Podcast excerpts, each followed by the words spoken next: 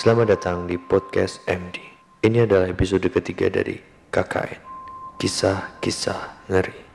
Kisah ngeri kali ini dikirimkan oleh teman kita yang tidak ingin disebutkan namanya. Mari kita sebut namanya Idi. Beginilah kisah ngerinya. Ini kisah KKN ku beberapa tahun yang lalu. Kelompok KKN ku terdiri dari 15 orang. 11 orang perempuan dan 4 orang laki-laki. Sebenarnya tempat KKN ini bukan di pelosok banget, tapi masih banyak orang di sana dan masyarakatnya masih memegang adat kuat-kuat. Memang banyak tempat-tempat di sini yang masih huingit atau angker. Rumah-rumah di desa ini masih tergolong jarang, banyak areal persawahan yang dipenuhi rimbun bambu. Pertama kali datang ke sana untuk survei, tidak semua dari kami ikut. Awalnya kami masih oke-oke saja, belum ada kejadian aneh-aneh. Ada satu orang teman kami, sebut saja namanya Lala. Dia sangat semangat membuat program kerja ini itu. Karena Lala yang mengusulkan dan tahu cara kerjanya, kita tunjuk dia sebagai penanggung jawab program kerja utama. Akhirnya KKN hari pertama kami dimulai. Hari pertama kami di sana, kami langsung pergi ke rumah orang-orang penting di dusun itu. Kalau istilah Jawanya, nyuwun sewu, mau tinggal di tempat itu. Saat sedang keliling desa, kami diperingatkan kalau wajib hati-hati, jaga kelakuan, jaga tindakan, pikiran gak boleh kosong, dan lain-lain. Juga di beberapa tempat kita tidak boleh sembarangan kalau lewat atau seumpama melihat sesuatu seperti sesajen dan sejenisnya, kita tidak boleh alok atau bicara sembarangan. Hari kedua kami mulai bagi tugas, seperti tugas mengajar Madin, mengajar SD dan TK, serta membantu warga di dusun. Setelah sarapan, semua anggota kumpul untuk rapat pagi, dan di sini keanehan mulai terjadi. Keanehan terjadi dengan Lala. Lala yang sebelumnya ceria, semangat, dan paling pintar adu argumen, tiba-tiba jadi pendiam. Bibirnya pucat sekali. Saat ditanya, jawabnya juga singkat-singkat. Kita berusaha berpikir positif dulu, dan kami minta Lala untuk istirahat. Mungkin dia kecapean. Beberapa hari berlalu, semua anggota sibuk dengan tugasnya masing-masing. Sementara, Lala diberi tugas untuk mengajar les setelah maghrib. Tapi ekspresi Lala masih sama. Wajahnya tetap pucat, sering bengong, dan melamun sendirian. Seminggu telah berlalu, Lala izin untuk pulang ke rumahnya. Dia pulang dengan motor sendirian dan kembali besoknya sesuai batas waktu yang telah disepakati. Tapi setelah diperbolehkan pulang satu kali, Lala jadi sering sekali izin pulang. Minggu kedua, anggota lain sudah mulai curiga dengan Lala, terutama aku. Karena anak lain jarang mau bersama Lala, karena takut dan dia tidak nyaman dengan sikapnya. Kita curiga dan merasa aneh ketika dia sering sekali izin pulang, tapi di saat yang bersamaan juga, dia sering sekali telepon orang tuanya. Seolah kangen sekali karena lama tidak pulang. Akhirnya kami mulai menyelidiki sikap aneh Lala ini. Lala ini sering sekali tengah malam menerima telepon. Kami menguping setiap Lala keluar kamar untuk menerima telepon. Dan aku selalu tahu dia keluar karena aku tidur di samping dia.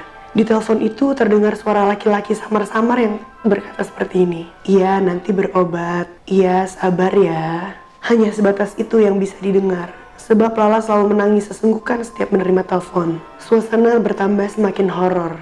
Karena orang rumah sebelah sedang pergi keluar kota. Semua orang menghindari Lala kecuali aku. Aku terus coba ngobrol sama Lala meski malah ditinggal bengong. Dan akhirnya dia mau ngobrol sama aku. Di situ dia cerita yang aku bahkan gak paham. Ceritanya seperti mengarang-arang. Yang awalnya masalah dengan tetangga, tiba-tiba berbelok ke agama, lalu berbelok lagi cerita lain. Aku hanya mengiyakan sambil berusaha mencerna meski gak bisa. Di minggu ketiga kita mengadakan acara pensi. Dan di situ aku dapat tugas bikin kostum.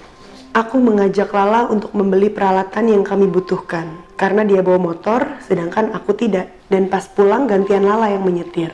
Di situ dia mengajak aku mampir ke rumahnya dulu. Ya, aku mau aja. Toh aku juga penasaran banget sama dia. Sesampainya di rumah, anehnya dia jadi normal lagi. Dia ketawa lepas, ekspresinya nggak pucat, nggak kayak orang sakit. Kita balik ke posko dibawain makanan banyak banget sama ibunya keluarganya ini punya usaha catering snack gitu. Saat sampai di dekat posko sudah maghrib. Jadi kita nggak menyusul ke musola untuk sholat jamaah dan langsung ke posko. Jadi di posko tinggallah aku sama dia. Dan ekspresi dia udah kembali jadi pucat lagi. Dan aku udah tidak begitu peduli dengan keanehan Lala. Aku ke kamar mandi duluan buat wudhu Waktu keluar dari kamar mandi, aku tahu kalau dia masuk kamar mandi buat mandi. Aku masuk ke kamar buat sholat dan menutup pintu kamar. Kamar itu memang agak susah dibuka tutup walaupun gak dikunci. Jadi posisi pintu itu di sebelah timur tempat aku sholat dan aku sholat membelakangi pintu itu. Waktu aku sholat, aku dengar jelas banget suara pintu kamar kebuka, terus ngelihat bayangan orang masuk dan emang aku dengar ada suara langkah masuk, terus suara seperti orang melempar kain. Aku nggak mikir yang aneh-aneh, karena aku mikirnya itu si Lala yang persiapan mau sholat. Tapi sampai rokaat terakhir pun nggak ada Lala menyusul sholat di sampingku. Waktu salam, aku kaget banget pas lihat nggak ada siapa-siapa di belakangku, bahkan pintu masih ketutup. Aku yang panik segera lepas mukena buru-buru dan keluar kamar. Waktu aku lihat ke depan, pintu depan masih ketutup. Teman-teman lain belum ada yang pulang. Akhirnya aku nyusul Lala ke kamar mandi. Baru sampai dapur, aku lihat Lala baru keluar dari kamar mandi. Mukanya aja masih basah. Aku mencoba tenang terus tanya ke dia. La, kamu tadi masuk kamar ya naruh sesuatu apa gitu? Dan dia jawab dengan santainya, enggak tuh, aku baru selesai mandi. Ini mau sholat. Aku di situ cuma bisa bengong. Aku ngikutin dia sambil liatin dia sholat sampai selesai. Abis sholat, dia ngaji kayak biasa. Aku masih nggak percaya sama apa yang barusan ku alami. Akhirnya daripada bikin keadaan gak kondusif karena kita masih lama tinggal di sini, aku mutusin buat nggak cerita ke siapa-siapa soal kejadian ini. Setelah kejadian itu, aku agak menghindar dari Lala ini. Sebenarnya kasihan sih, karena dia jadi nggak ada temen, ke mana-mana sendiri. Pas acara pensi pun, Cuma dia yang gak ikut ambil bagian buat tampil di acara itu. Ya karena dia diajak ngobrol pun gak nyambung. Jadi dia tuh kayak cuma tubuh bergerak aja. Jiwa dan pikirannya entah ada di mana. Suatu hari pas dia pulang, kita kumpul buat ngobrolin keanehan Lala. Di situ semua orang punya cerita aneh pas sama Lala. Teman-teman satu jadwal piket masak bersama Lala cerita kalau Lala sering tiba-tiba nangis di dapur atau kalau nggak dia ngomong sendirian di dapur. Ada lagi, saat pergi bareng bersama salah satu teman, sebut saja namanya Siti, mereka pergi ke rumah warga untuk nyari data. Dari berangkat sampai pulang, Lala nggak ngomong apa pun. Pandangannya bahkan lebih kosong dari biasanya. Setelah itu Siti kapok dan nggak mau lagi deket-deket sama Lala. Terus salah satu teman lain juga cerita, sebut saja namanya Reni. Si Reni ini punya kenalan tetangganya Lala. Dan kata tetangganya itu, Lala nggak pernah pulang ke rumah. Kecuali waktu sama aku waktu itu. Hah? Dia pamit seharian lebih nggak pulang, terus ke mana? Oke, kecurigaan kita sudah sampai di ujung. Dan berhubung sebentar lagi udah mau penutupan dan pulang, kita nggak mau bawa rasa penasaran ini sampai pulang. Kita semua udah niat banget, kalau dia pulang, kita mau tanya Lala langsung. Sampai akhirnya dia pulang, kita tunggu sampai dia tenang, dan berusaha nggak bikin dia curiga kalau mau kita interogasi. Pas evaluasi malam di situlah Pak Ketua kelompok kita, sebut saja namanya Fauzi, mulai ngomong tentang tanggung jawab Lala sebagai penanggung jawab. Program kerja utama di mana dia sama sekali nggak ikut andil waktu ngerjain proker itu. Dia diem aja, nunduk, terus nangis sampai sesenggukan. Sampai kita semua bingung dan terdiam. Setelah hari itu, tepatnya besok paginya, kejadian aneh terjadi. Secara serentak, aku dan dua orang lainnya, Alda dan Neti, panas tinggi.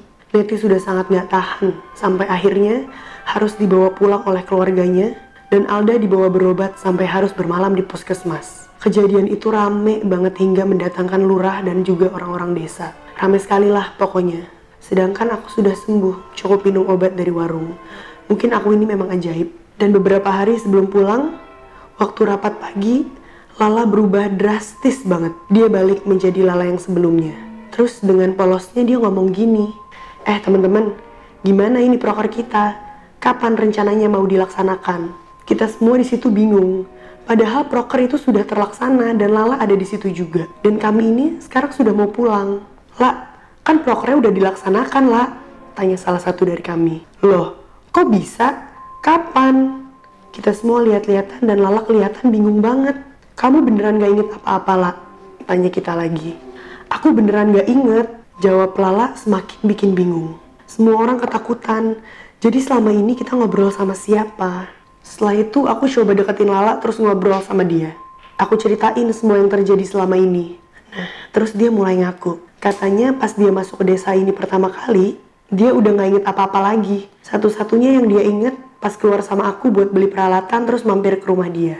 Kita lega Lala udah berubah. Sampai waktu kami pulang, dia normal-normal saja. Dan kami bersyukur sekali untuk itu. Tapi setelah lama gak ketemu dan gak kontak lagi, Tiba-tiba ketua kelompok mengirim kabar ke WA Group. Dia minta untuk ngasih dukungan ke Lala dengan datang ke rumah Lala. Karena ini udah hampir ujian skripsi dan Lala nggak pernah ada kabar. Oke, kita ke rumah Lala. Dan pas kita sampai di sana, Lala balik lagi jadi orang yang dingin, pucat, dan linglung. Dia ngomongnya makin nggak nyambung. Dan di situ ibunya nanya-nanya ke kita. Sebenarnya apa sih yang terjadi selama KKN sampai anaknya pulang jadi seperti itu? Kata ibunya, Lala ini habis diajak orang pintar. Dan kata si orang pintar itu, Lala dikerjain sama orang. Ditambah kena di lokasi KKN. Kita semua bener-bener nggak tahu apa penyebabnya. Kita nggak bisa jawab. Entah apa yang pernah dilakukan Lala yang kita nggak tahu, tapi sepertinya laki-laki di telepon itu penyebabnya. Dan mungkin ditambah penghuni lain di desa itu yang nggak suka. Oke, mungkin itu aja yang bisa aku ceritain. Setelah KKN, aku udah jarang ke sana. Meskipun kita deket banget sama warga di sana, beberapa waktu lalu lingkungan itu sempat menghebohkan kalayak ramai. Semoga kalian gak bisa nebak lokasinya. Juga kabar Lala aku nggak tahu pasti. Tapi sedikit kabar yang ku dengar, Lala sudah lebih baik setelah dibawa berobat ke mana-mana. Pesan sedikit untuk yang mau KKN, jaga ucapan, jaga kelakuan kalian selama di sana. Terlebih ketika kalian baru nyampe dan melihat hal yang aneh-aneh, hormati saja meski kalian gak cocok dengan hal itu. Terima kasih. Salam dariku. Begitulah kisah ngeri yang dikirimkan oleh seseorang yang tidak ingin disebutkan namanya. Terus kirimkan kisah-kisah ngeri kalian ke email kkn di desa penari movie at gmail.com Sampai jumpa di kisah-kisah ngeri selanjutnya.